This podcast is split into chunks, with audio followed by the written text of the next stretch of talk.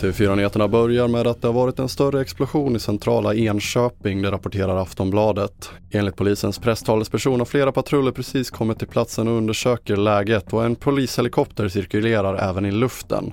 En person har förts med ambulans till sjukhus med oklart skadeläge enligt polisen.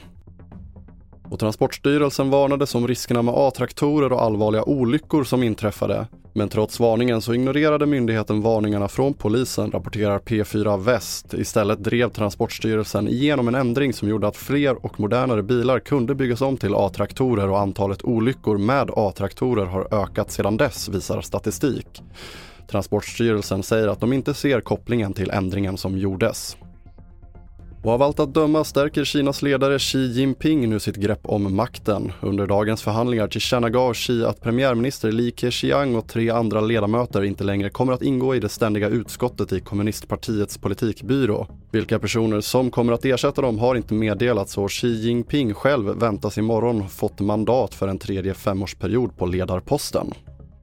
Fler nyheter hittar du på tv4.se. Jag heter André Metenen Persson.